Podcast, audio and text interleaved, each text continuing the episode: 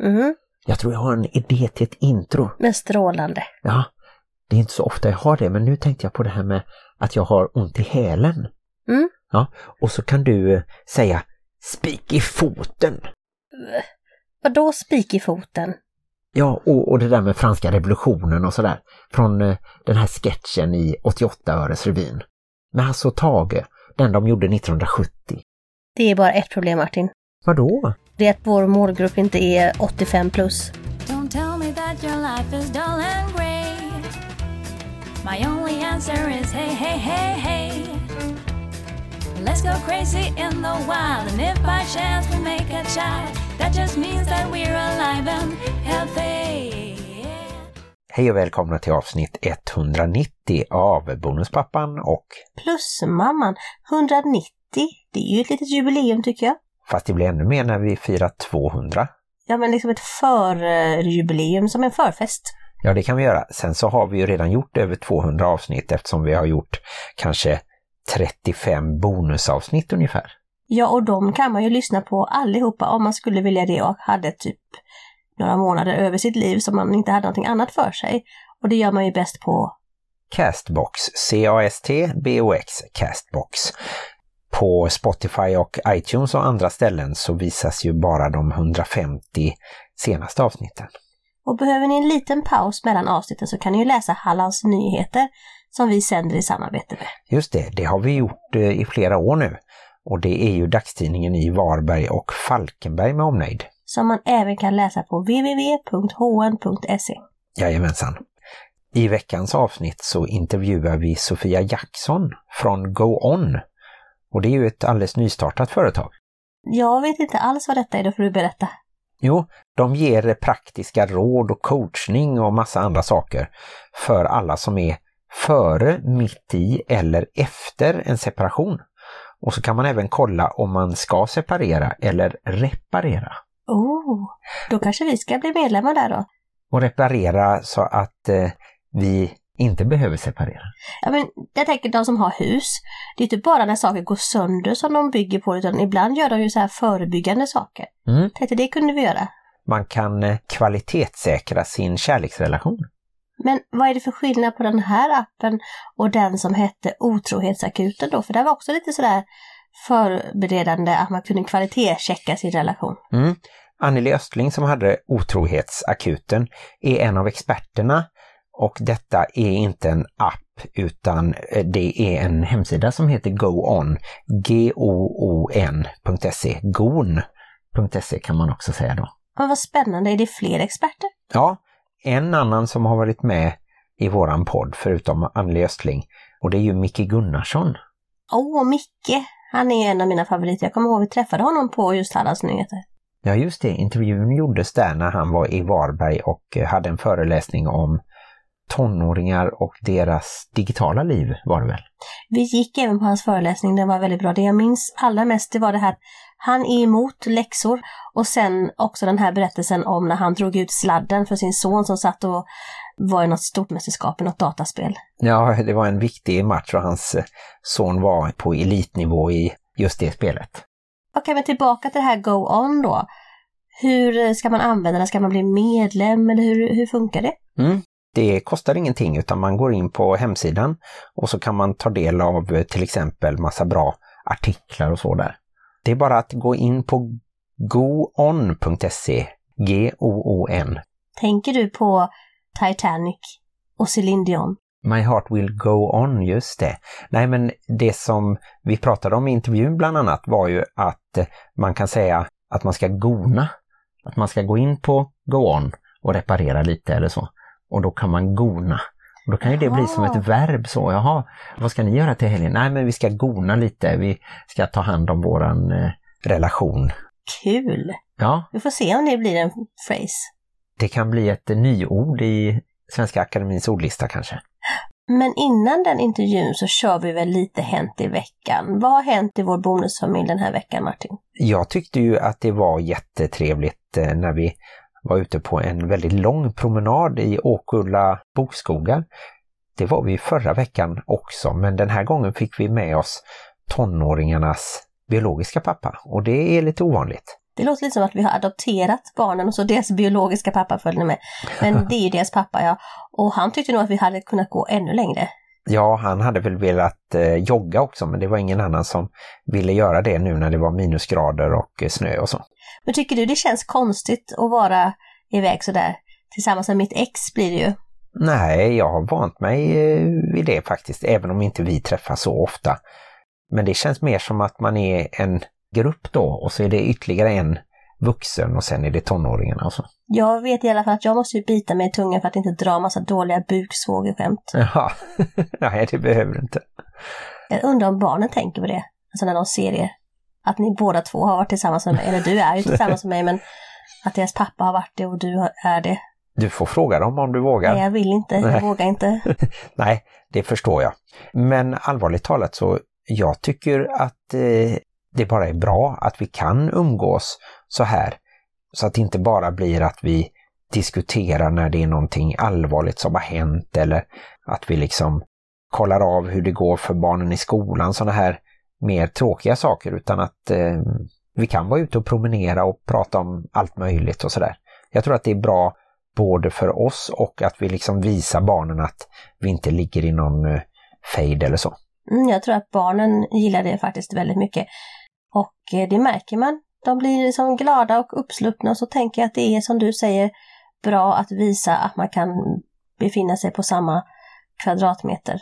Ja, och det finns liksom ingen konkurrens eller någonting sådär att jag skulle inkräkta på deras pappas roll på något sätt. Nej men bra jobbat Martin. Det kan ju vara så att en del bonusföräldrar känner sig hotade när den biologiska pappan kommer med in på, på banan. Men jag hade ju också fördelen av att det var jag som körde bilen. Så jag kunde ju känna det lite. Kändes det lite så här att du var in control? Var det machogrej? Just det. Jag satt i förarsätet. Nej, det var mest ett skämt. För övrigt så har vi ju haft en del jobbiga saker i vår familj och runt vår familj den här veckan. Och veckan som kommer kommer ju inte bli jättemycket roligare. Jag ska ju träffa min yngsta dotters pappa under mindre roliga förhållanden. Ja, just det. Det kanske blir ett digitalt möte, men exakt vad det handlar om kanske vi inte ska gå in på nu. Nej, jag väljer nog att inte prata så mycket om det just nu. Vi får se om vi nämner det framöver. Mm. Men en annan sak som också är jobbig att prata om, men som vi måste prata om tycker jag, för det är viktigt, och det är ju att vår son blev utsatt för en ganska olustig sak. Ja, just det. Det var ju en äldre man som stod och liksom rökte och kollade på eh, honom när han åkte lite skateboard här på parkeringen och det har hänt några gånger under hösten. Men den här gången så fick han som en liten försenad julklapp nu i veckan här och eh, där var det då också en, en liten dikt, ett rim som slutade någonting med att du kan ha det på hela kroppen, kanske även på sn... Punkt, punkt, punkt. Mm. Och det kändes ju verkligen inte som att det var någonting lämpligt. Och han hade dessutom sagt saker som att han trodde att vår son var yngre och, och lite så här. Och ja, vi har ju gått till polisen med det, men polisen kan ju inte göra så mycket för han har ju inte då gjort någonting brottsligt. Polisen sa till och med att det skulle kunna räknas som ett skämt.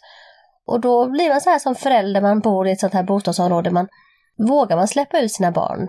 Och vår son vill ju inte skata mer. Ska det vara så? Vad ska man, vad ska man göra åt det liksom? Nej, det är ju Eh, väldigt konstigt. Vi tycker ju helt klart att det är över gränsen. Och polisen tyckte jag svarade ändå väldigt bra och förstod att vi tyckte att det här var allvarligt och vi skickade bilder på den här mannen som fanns och vi skickade även uppgifter på vem vi trodde att han var och så. Så skulle det hända något mer så kanske då polisen kan agera på något sätt. Men det är klart, man vill ju inte vänta tills någon blir utsatt för något slags brott då.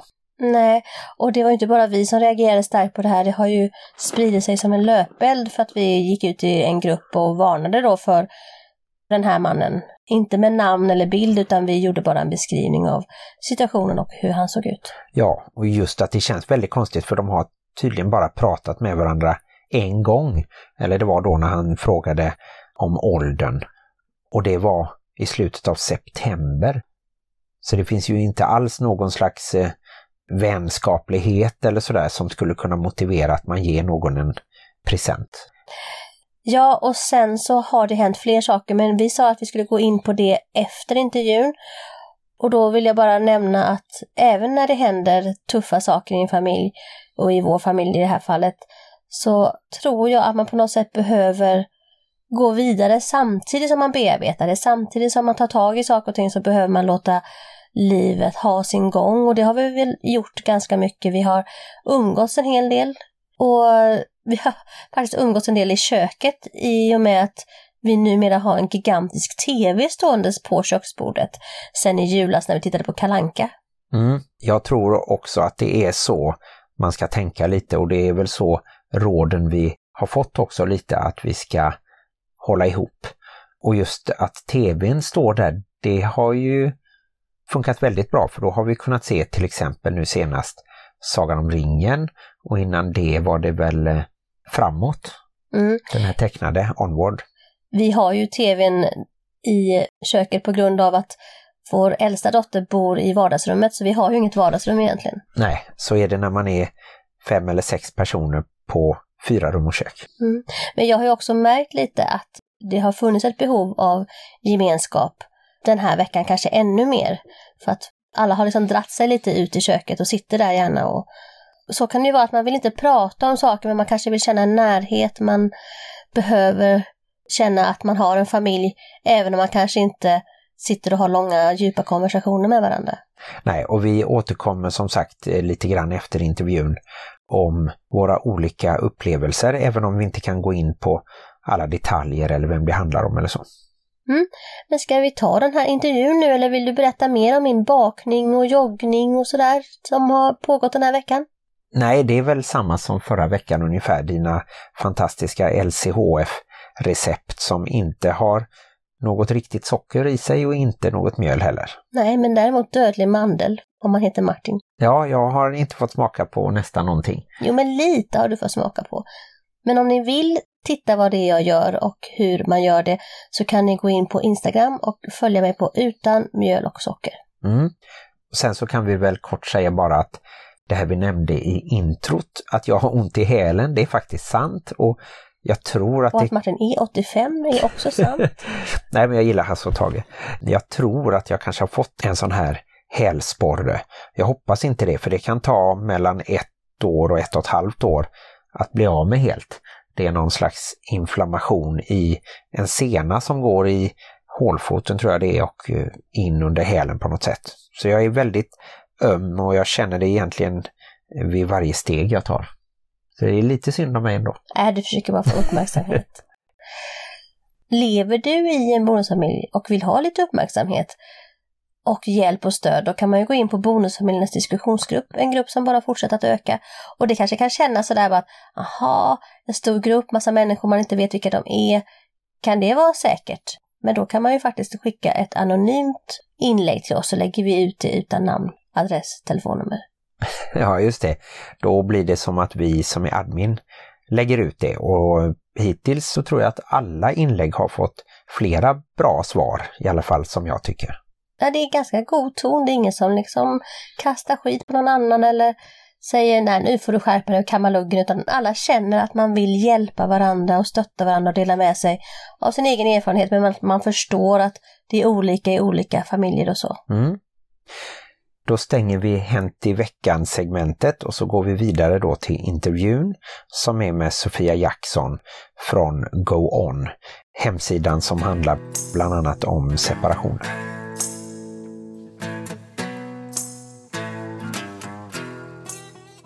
Hej Sofia Jackson och välkommen till podden.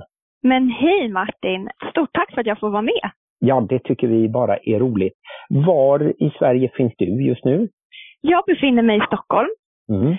Och vi ska ju prata lite om ett helt nystartat företag och projekt som heter Go On. Om vi tar lite den kortfattade versionen först, vad handlar detta om? Go On är en digital plats där alla som befinner sig före, mitt i eller efter ett uppbrott Mm. ska hitta råd och hjälp och få hjälp att ta sitt nästa steg. Men vi har även adderat något som vi kallar för reparera eller separera. För det kan Mhm. faktiskt vara så att när man är före ett uppbrott så kan det gå att reparera Ja, och det. förhindra ett uppbrott. Inte för att det är liksom absolut så att eh, ett uppbrott är det sämsta alternativet. Det kan i många fall vara det bästa alternativet. Mm. Men man ska i alla fall vara säker på vad man gör och se om det går att reparera och ge det en chans. Mm. Och du har en kollega som heter Malin Kristiansson. Har ni delat upp eh, arbetet på något sätt? Nej, men det har vi egentligen inte från början för att vi kom på den här idén tillsammans. Så att båda Mm. har liksom varit mammor åt den här bebisen. Ja. Eh, men, eh, och vi har båda två samma bakgrund. Men däremot så är Malin lite starkare på vissa saker och jag lite starkare på vissa saker. Så att nu efter att vi har lanserat sidan, när båda två känner sig helt bekväma i produkten och så, nu har det börjat liksom utkristallisera sig lite olika roller för oss. Men Mm. eh, vi är båda mammor till den här bebisen. Om du skulle beskriva dig själv, din bakgrund, vad har du Mm. jobbat med tidigare och så?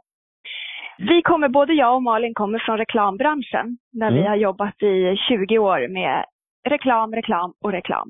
Mhm. Eh, det har varit så himla roligt och lärorikt. Och vi satt bredvid varandra i 20 år som kollegor och gjorde samma saker. Så vi har liksom följt varandra genom, eh, man har fått barn, vi gifte oss, vi har bytt hus och följt varandra genom ups and Mm. downs. Mm. Och alltid trivs bra bredvid varandra. Och om du skulle beskriva din eh, bonusfamilj som du lever i, hur ser den ut? Ja, men jag har haft äran att eh, faktiskt träffat världens finaste man. Mm. Ja. Tänka sig. Ja, Mhm. Och vi bor tillsammans sedan ett år tillbaka bara. Vi har varit tillsammans i tre år. Sedan ett år tillbaka bor vi tillsammans. Faktiskt, vi hade förmånen att få köpa loss eh, min mans eh, pappas hus. Det var dags för honom att flytta till lägenhet och då tyckte han det var så roligt att hela huset kunde fyllas av, av barn igen.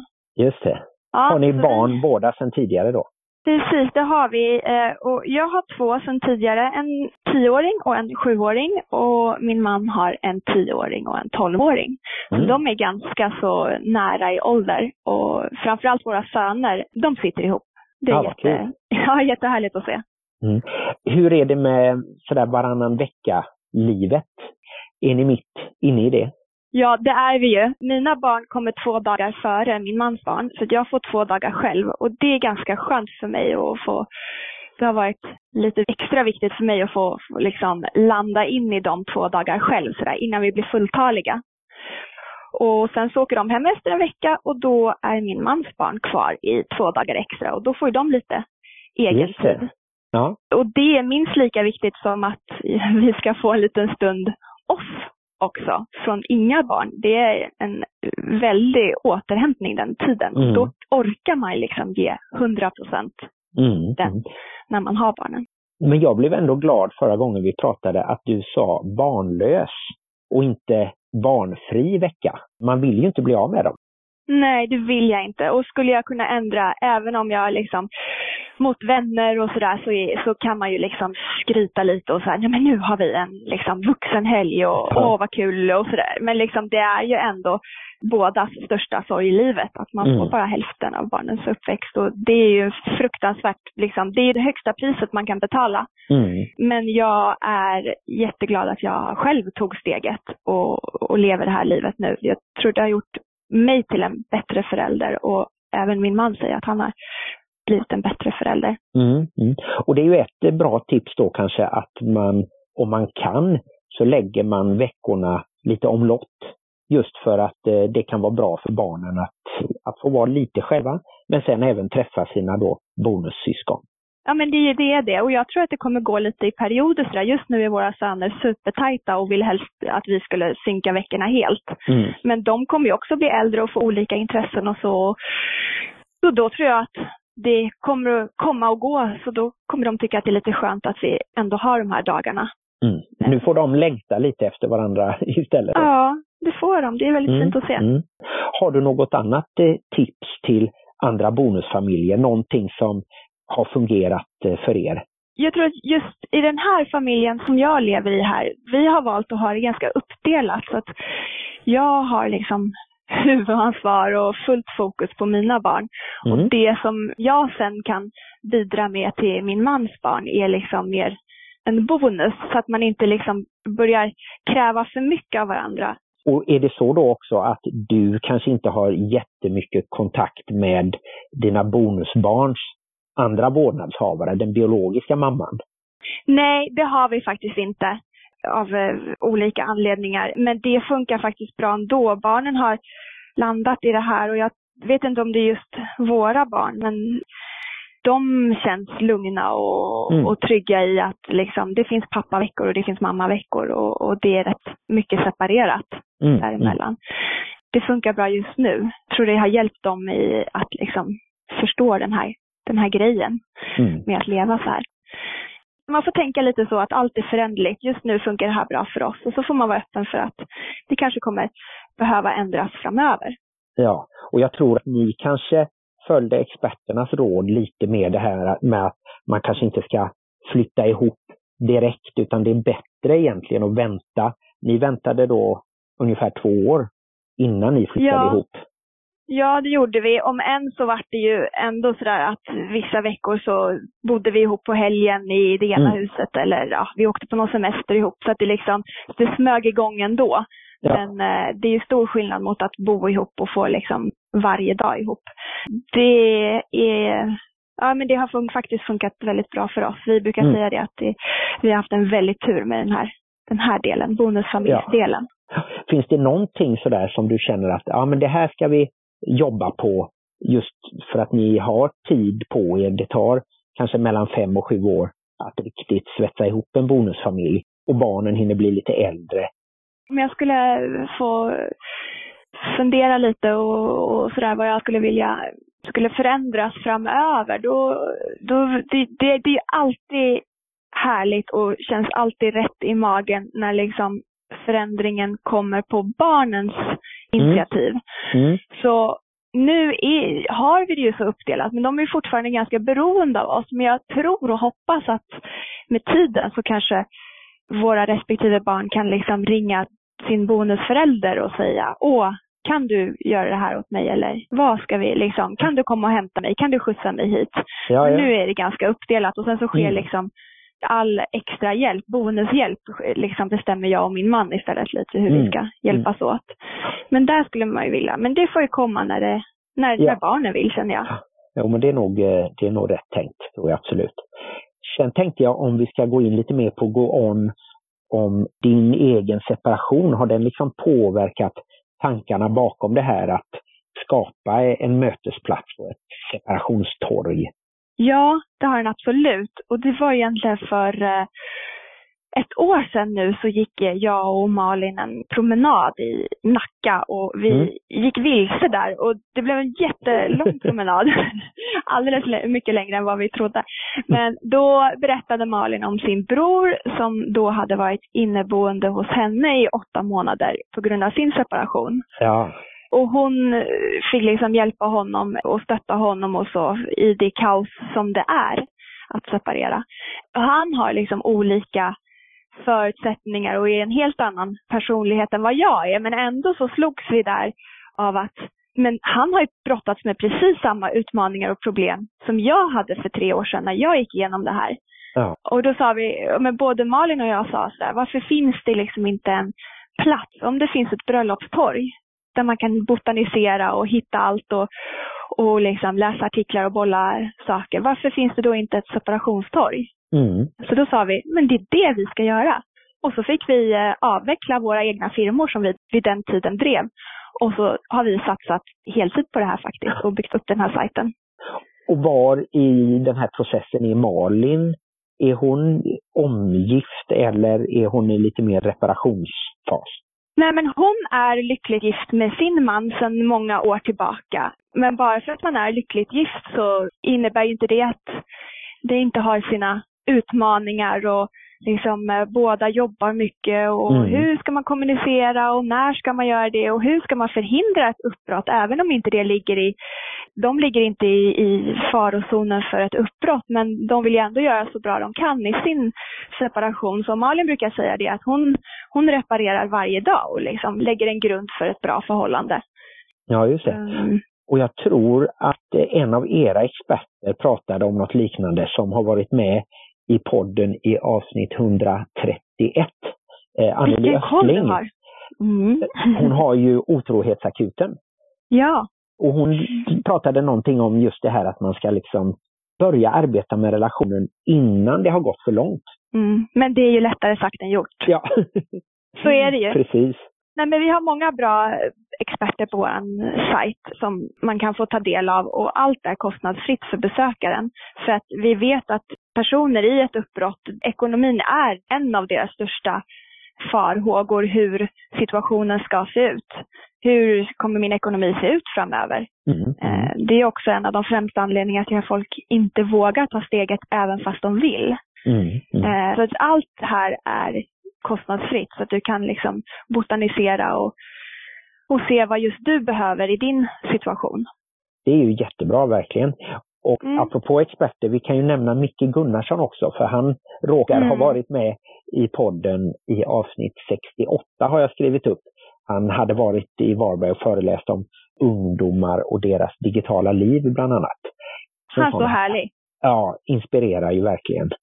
Och han finns med oss också. Han har Mm. spelat, eh, bland annat spelat in en liten film åt oss som man kan förhoppningsvis ta sig tid att titta på och se hur ska jag jobba Mm. med mig själv för att vara vuxen i den här i det här uppbrottet. Och Mm. frågor man kan ge tips om, frågor man kan ställa sig själv för att utveckla sig själv och, Mm. och verkligen rannsaka sig själv. Men för det är tusan inte lätt det här. Hade ni någonting lite med träning och hälsa också? Precis, vi har ett jättehärligt eh, träningspar, Karin och Marcus, som driver SPW. Karin har nyligen själv separerat och eh, träffat Marcus här och de två Ja. Slog sina påsar ihop. Så de ger online-coachning och träning och hälsotips. För att det är ju en enorm, inte bara psykisk stress kroppen går igenom i ett uppbrott utan även fysisk stress. Och om du sen känner liksom, oh, jag ska träna samtidigt och jag måste vara mitt bästa jag nu här i Mm. mitt nya liv eller vad det är, du har massa olika krav på dig själv. Det är ju ytterligare en stressor för kroppen. Så då kan Ja. de hjälpa till och stötta och, och ge tips och råd. Och de har skrivit lite, några artiklar som man kan läsa och få råd hur man ska tänka. Och de brukar sammanfatta det med att man inte ska vara så hård mot sig själv. För det är faktiskt en väldig utmaning och stress att genomgå ett uppbrott. Och det kan ju vara bara en sån enkel sak som att man ska börja laga middag bara åt sig själv. Om man har separerat och man som sagt kanske får bo inneboende ett tag eller det kan ju vara väldigt eh, tråkigt och sen då kan ju träning kan ju hjälpa till att man eh, kommer ut och träffar nya personer och aktiverar sig lite och inte sitter hemma och, och dippar kanske. Ja, men det är jätteviktigt och träning kan ju verkligen hjälpa till så att kroppen får lite endorfiner och känna sig glad Mm. igen och få lite mer energi. Absolut. Och sen har ni väl lite andra typer av praktisk hjälp som man kan behöva? Ja, det har vi. Vi brukar prata om någonting som heter go-on-flödet. Men det är ju att du i en separation eller skilsmässa så du befinner dig i tre olika faser. Det är så vi har byggt upp vår sida också. Mm. Före-fasen, mitt i-fasen och efterfasen. Mm. De tre faserna har ganska så olika utmaningar och man har olika behov i de här respektive faserna. Och de kan vara väldigt olika långa för personer. Förefasen kan ju till exempel vara flera år. Du går och funderar, ska jag, ska jag inte? Du försöker reparera och du kanske går i terapi och du kollar din ekonomi. Vad kommer det innebära? Så förefasen har sina utmaningar. Mitt i-fasen är sen ganska kaosartad för de allra flesta. Även om det är ett uppbrott som sker i, i samtycke från båda parter så är det ju ofta en fundamental förändring som Mm. sker i livet. Och då ska du kanske sälja ditt boende eller du behöver ha nya försäkringar och du ska ha ett nytt telefonabonnemang kanske. Det är Mm. massa olika praktiska saker där. Och allt det här ska tas om hand om i mittfasen. Mm. Och Mm. sen kommer du ut i efterfasen och den kan också vara olika lång. Vi brukar ju säga att den startar ungefär när ni fysiskt bor på olika adresser. Då går du in i efterfasen.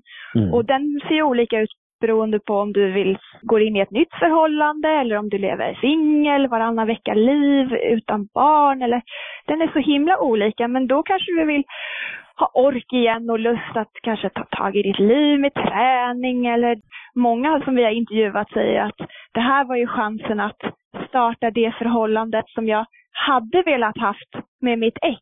Hur ska jag, Ja, nu har jag fått en möjlighet att göra rätt från början. Kanske man ser till att ha alla avtal på plats Mm. och vara sådär efterklok som Mhm. folk säger att man ska vara. Men nu har du ju chans att göra om allting och få göra rätt från början. Mm. Vi har ju alltifrån liksom en app som heter Coupleness där du ska liksom kommunicera bra med din partner och det har du all möjlighet att göra nu i efterfasen. Vet man varför Sverige ligger så högt i eh, skilsmässostatistiken? Jag läste att det är ungefär hälften av alla förhållanden och äktenskap som, som slutar med en separation. Och det är ju 250 000 personer varje år. Precis, det är ju det. Vi är på plats nummer fyra i Europa Mm. och det är ju jättehög statistik. Mm. Och det kostar faktiskt eh, mellan 50 och 100 000 att genomgå en skilsmässa. Så det är ju stora pengar ute i samhället som är i, Ja. i omlopp på grund av separationer. Men man kan ju också se det som att det är bra att Sverige har en lite högre skilsmässostatistik. Att här är det okej, här vågar du ta steget. Du väljer att leva som en bonusfamilj eller i varannan vecka-liv. Och att det är mer accepterat här. Och, och Mm. det är faktiskt positivt också. Det är så många som lever bredvid varandra istället för tillsammans med Mm. varandra. Mm. Om jag får komma med ett privat personligt råd där så är det Mm. faktiskt att våga ta steget. Mm. Nej, Men jag brukar säga att livet blir inte alltid som du har tänkt dig, men det kan bli riktigt bra ändå. Just det. Och det här med att man ska försöka hålla ihop för barnens skull. Jag tror nog att de flesta barnen förstår ju om det inte funkar mellan föräldrarna. Och då kanske det är bättre att antingen föräldrarna bor själva ett tag eller att de hittar en ny partner som de verkligen älskar. Ja, ibland kanske man faktiskt ska separera för barnens Mm. skull. För det är jätteviktigt att ge dem en förebild för hur ett eh, hälsosamt och kärleksfullt äktenskap är. För att de sen Mm. i sin tur nu ska kunna ta med de förebilderna in i sitt vuxna liv och se Mm. hur vill de att en respektfull och kärleksfull relation ska se ut. Mm. Vad tror ni är det svåraste när man är på väg att separera? Är det just det här att ta steget ut i det okända, att det finns liksom en rädsla för vad som kommer? Man vet vad man har och även om det inte är så bra så är det ändå liksom någonting som man kan känna igen. Ja, men det är ju det. Ekonomin är ju mångas oro såklart. Men eh, att om man nu har barn så är ju det den stora sorgen att behöva dela på deras tid. Och jag tror att många har sökt nästan en checklista liksom. Säg vad jag ska göra nu. Hur, vilket steg ska jag ta nu? Nu står jag Mm. här. Vilket är mitt Mm. nästa steg? Och då om man är i den situationen, vilken sida går man till då? Mm, då ska du såklart gå till goon.se. Just det, och det stavas som det låter med två O i mitten då, så det blir go Ja. on. Ja. Precis, och vi brukar säga att eh, du, om du ska reparera eller separera, du ska i alla fall go on. Du ska gona. Ja, just det. Gona, det kanske blir ett nytt verb. Precis, vi är inte Ja. nöjda förrän vi kommer in i Svenska Akademins ordlista med det ordet. Ja, det är en härlig mål, målsättning att eh, man i framtiden pratar lite om att nej, men vi har faktiskt klarat att gona ordentligt. Ja. Mm. Ja, då vet ni var ni hörde det först. Ja. Och om man vill eh, följa er till exempel i sociala medier, finns ni lite överallt där också? Ja, men det gör vi. Vi jobbar ganska hårt med det eftersom vi är byrårävar båda två. Men vi Mm. finns på goon.se både på Facebook och Instagram. Där får man jättegärna följa oss och vi har lite roliga tävlingar och erbjudanden och, och goda råd på vägen. Allt för att underlätta att ta nästa steg.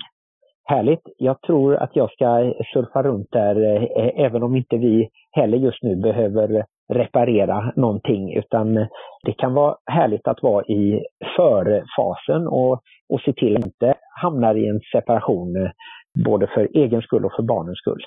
Precis, helt rätt. Då får du ut mesta möjliga av sajten. Att du kan både använda den när du är i ett bra äktenskap för att fortsätta göra det bra och så kan du rekommendera dina vänner som har det lite knakigt eller befinner Precis. sig mitt i kaoset. Och så Mm. hoppas vi att alla hittar någonting där. Och så får du ju hälsa Malin så mycket både från eh, mig och Maria det är jättespännande att hitta så här nya företag just som handlar om relationer och bonusfamiljer och så. Så det uppskattar vi här i podden. Ja, tusen tack för att ni tog er tid. Tack själv Sofia. Ta hand om dig, vi hörs. Mm, det gör vi. Hej då! Hej hej!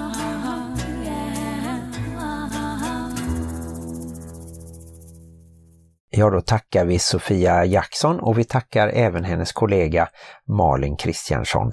Testa nu att go in på go on. Har du ruvat på den där länge Martin? Nej, det var för att jag hade skrivit go on i två ord som ju det skrivs, men hemsidan är ju i ett enda ord, alltså gon med två o.se. Jag tycker absolut att vi ska gona oss lite. Jag är ju faktiskt för det här med att försöka lite extra. Det kanske låter väldigt konstigt med tanke på att jag har skilt mig en gång och eh, brutit upp från ett långvarigt förhållande en annan gång och har fyra barn med två olika män. Men jag tycker faktiskt att man ibland ger upp för snabbt innan man har hunnit liksom testa olika vägar och då kan man ju göra det här på Go On. Och sen då om det går åt helvete så kan man ändå gå in på Go On to go on liksom. Och Martin bara tittar på mig som att How long will she go on? Nej, men det jag tänkte på var dels så stämmer det, det du säger eftersom de har en del som handlar om efter separationen. För det kan ju vara jättejobbigt också. Lika jobbigt fast på ett annat sätt som när man är mitt i det. Men skämt åsido, jag är en sån person som att jag vill verkligen se det fina i en människa och tänka på de sakerna istället. Och det är därför som du och jag kommer så långt, eftersom jag mest tänker på de fina sakerna med dig. Och inte fokusera på alla jobbiga, irriterande och oerhört sjuka saker med dig Martin. det blir en helt annan podd det.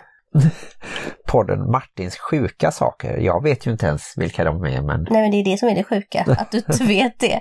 Som den där grejen att du aldrig har sagt nejlikor i apelsiner till exempel som vi har pratat om innan. Det är Ja. helt sjukt. ja, kanske. Eller att du inte gillar Disneyfilmer.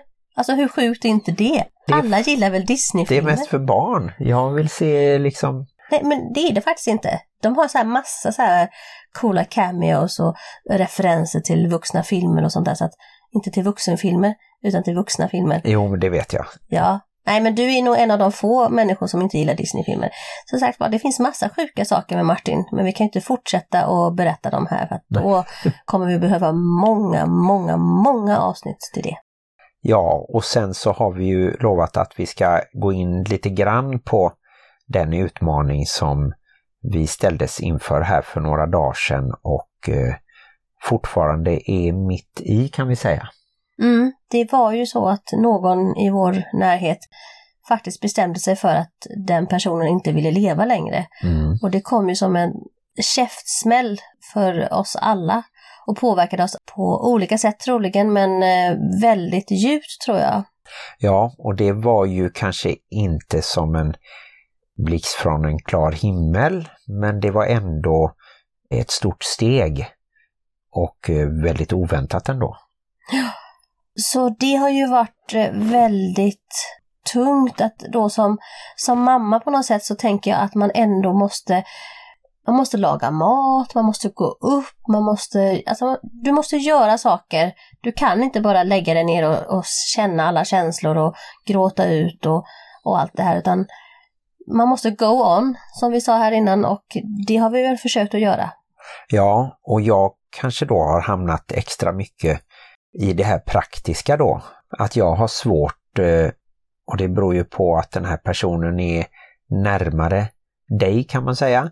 Och då hamnar jag i en annan slags liksom hjälpsamhet där jag tänker att jag ska sköta allt det praktiska eller så mycket som jag orkar för att liksom avlasta. Men då blir det också att jag missar det här känslomässiga stöttandet som både du behöver och barnen behöver. Mm. Det kan vara svårt för att man reagerar ju som vi sa här innan olika när det händer någonting. Som en person som var den som upptäckte det som hade hänt, den reagerade ju på det sättet att den lämnade den personen och åkte därifrån. Ja, och det gör man ju normalt inte om man inte liksom är chockad och inte kan liksom ta in det.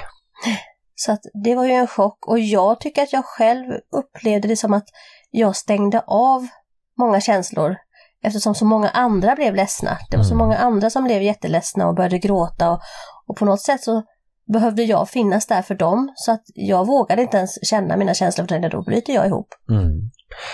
Och jag vill ju gärna tacka dem som gjorde lite extra i vårt stora nätverk av släkt och vänner och sådär. Som faktiskt valde att skicka ett litet meddelande och säga att ja, men vi finns här. Ring eller eh, hör av er på något sätt om vi kan hjälpa till. Och det fanns de som hade liknande erfarenheter och inte liksom gav konkreta råd utan sa bara att eh, vi har också varit med om det här. Ja, och det tycker jag är jätteviktigt att vi just delar det här att du är inte ensam. Aldrig ensam finns det ju en organisation som heter till exempel och det är just det att man känner sig så oerhört ensam och för mig i alla fall som person så är det väldigt stärkande när jag får sån här reaktion från andra att de finns där och de har gått igenom liknande och sen kan man ju som vi lärde oss i sorgbearbetning aldrig veta exakt vad en annan människa går igenom men man kan ändå finnas där och vi har ju fått folk som har erbjudit oss praktiskt stöd och vi kan komma till er och ringa oss när som helst och det känns jättefint och vi känner jättestort stöd och även om det här har varit en jättejobbig sak så känner vi oss på något sätt stärkta i att nu händer det här och vi kommer att klara det som familj. Mm. Och vi har också fått hjälp att eh, lite säkra upp så att vi inte behöver oroa oss hela tiden och eh, att vi har gjort det som vi kan göra just nu. Mm. Det är ju väldigt jobbigt att vara en närstående till en annan människa som mår så pass dåligt att den inte vill leva längre. Och hur man ska hantera och bemöta den personen efteråt kan också vara svårt.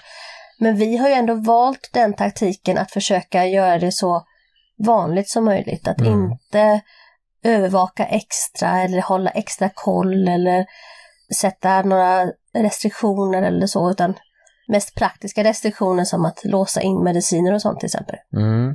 Och sen kan jag ju tycka att det fortfarande är jobbigt att jag kan känna mig en bit då utanför och att jag inte riktigt vet hur jag bäst ska stötta både den här personen och dig då. Men det här är ju faktiskt absolut en sån här bonusfamiljsgrej. Man är nära varandra, men sen är det ju kanske någon i bonusfamiljen som är ännu närmare. Och det kan ju vara svårt att möta varandra där. När någon människa kanske känner att det här var den värsta dagen i hela mitt liv. Och verkligen känner det djupt inom sig själv. Och den andra personen kanske tänker, ja men det här var en hemsk sak som hände, usch vad jobbigt. Men inte på samma djupa känslomässiga sätt. Och det kan ju vara väldigt svårt då att både stötta den andra men också som du säger att man kan känna sig utanför, att man hade nästan velat ha den starka sorgen fast man inte riktigt kan känna det och det kan jag ju känna igen som i, när vi träffades precis så gick ju din brors fru bort Mm. vilket var enormt svårt för alla inblandade. Medan jag kände ju att det var jättehemskt, jag kunde verkligen känna det. Men jag kunde inte känna det på djupet. Nej, det är ju jättekonstigt allt det här när någon av de som man har vuxit upp med drabbas då. Jag kan ju känna en sak för min lillebror som är en av de som känner mig allra bäst. Och sen gentemot då min svägerska och deras gemensamma barn. Eller samma nu när min mamma då har fått diagnosen ALS och nu sitter i rullstol och inte kan prata och knappt röra sig längre. Det blir ju jättekonstigt för mig och så blir det konstigt på ett annat sätt för dig och så hur ska du bemöta mig i det då? Så det finns väldigt många olika aspekter och så är det ju inte bara i en bonusfamilj nu när vi är i det här läget då att våra föräldrar är så mycket äldre och vi vet att de inte kommer leva för alltid tyvärr. Mm. Men jag tänker att det viktigaste då i en bonusfamilj eller i en vanlig familj så får man ju acceptera att människor känner och sörjer olika. Det betyder inte att det ena är fulare eller finare, utan bara att det är olika. Och att man någonstans kanske får vara tydlig, som jag har väl varit ganska tydlig mot dig och sagt att just nu kanske inte jag kan prata om praktiska saker, för jag har gått igenom det värsta som mm. en mamma någonsin kan gå igenom. Mm.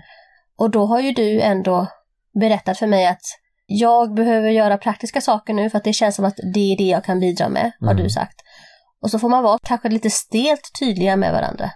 Sen kan vi väl skicka med också, och det tycker jag är en anledning till att vi faktiskt pratar om det här, att det är mycket vanligare än man tror med framförallt självmordstankar och sen nästa steg är att man faktiskt då försöker ta sitt liv och det händer väldigt många och sen är det som tur är inte lika många som då lyckas med sina självmordsförsök. Men det är ju någonting som är utbrett så vi är inte på något sätt unika som familj med att gå igenom det här. Nej, vi eh, kunde ju ha valt att inte prata om det här alls. Men vi känner att om vi kan nå ut och hjälpa andra familjer som är i liknande situation eller kanske nå någon människa som känner sig lite mindre ensam i det här, så är det värt det. Mm. Vi kan väl avsluta med att skicka med några ställen som man då kan eh, ta kontakt med.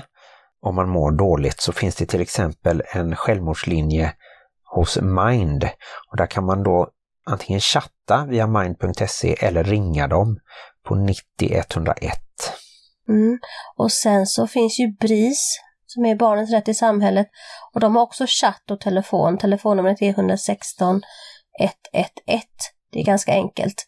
Och det är väl för barn under 18 år. Mm. Och så jourhavande medmänniska. Där kan man chatta eller ringa 08 702 1680.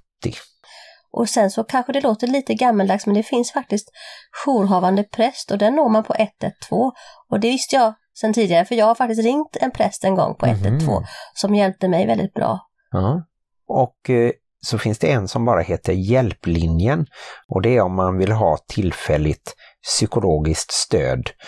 Då kan man gå in på webben eller ringa 0771 22 0060. Och sen har vi den här organisationen som vi nämnde innan som heter Aldrig ensam och den finns ju också på nätet och på Facebook och Instagram. Mm. Han som startade den, Charlie, är ju från Falkenberg där du är uppvuxen. Och vill man ha mer information så kan man ju även gå in på Suicide Zero. De har en hemsida, det är lätt att googla Suicide Zero. Då lämnar vi väl detta lite dystra kapitel i podden i alla fall. Vi får ju fortsätta jobba med det i vårt liv. Men vi försöker att ändå fokusera på det positiva och fina. Och det är att det finns mycket kärlek i vår familj och sammanhållning och styrka. Mm. Jag tror absolut att vi kommer klara det här också. Och eh, det känns ju som det blev en liten dyster, allvarlig avslutning här av podden, men så kan det bli ibland. Och vi skulle ju kunna, förutom att säga att ni gärna får höra av er som vanligt via sociala medier. Ni hittar oss lätt utan att vi behöver upprepa alla adresser tror jag. Men vad tror du om att vi avslutar med en sån här high vi hade ju high and low ett tag. Ska vi säga någonting som faktiskt är bra med våra liv och våran bonusfamilj och den här veckan? Men jag minns det high and low. Varför slutade vi med det? Det var väl kul? Vi kanske ska återinföra det. Ja. Min high den här veckan, det måste nästan ha varit idag när vi var på våran promenad ute i skogen med alla våra barn. Inte riktigt alla våra barn för minstingen hade nog inte orkat hela vägen runt. Så henne lämnade vi hos moster Håkan som hon brukar säga ibland. Mm. Men morbror Håkan och moster Eva som vi är väldigt tacksamma för att de finns i vårt liv. Men jag tycker att det var en fin stund tillsammans med mitt ex och min nya. mm. Och jag vill väl då som haj ha dels våra härliga bullriga middagar som är mycket tack vare att du gör så god mat så att eh, barnen till och med kommer hit och äter även om de kanske ska sova någon annanstans hos en flickvän till exempel. Så dels de middagarna och sen faktiskt det stora engagemanget som har visat sig då när det har hänt sådana här saker då kring familjen som har varit jobbiga. Så Mm. har det ändå visat sig att väldigt många bryr sig om och vi bryr oss om varandra. Ja, jättestort tack alla ni som har hört av er till oss. Det har varit fantastiskt och även om jag inte har kunnat svara er allihopa personligen så tycker jag att ni allihopa kan känna att ni har gjort skillnad. Mm. Glöm inte att livet i bonusfamiljen kan vara besvärligt. Men faktiskt ofta väldigt härligt. Hej då! Ja, det blir lite dystert det här. Men så ser livet ut. Även för oss. Precis. Och vi vill ju faktiskt visa hela livet, både det bra och det dåliga. Ja, och det gjorde vi ju. Och nu hoppas vi ju att det kan vända uppåt. The only way is up.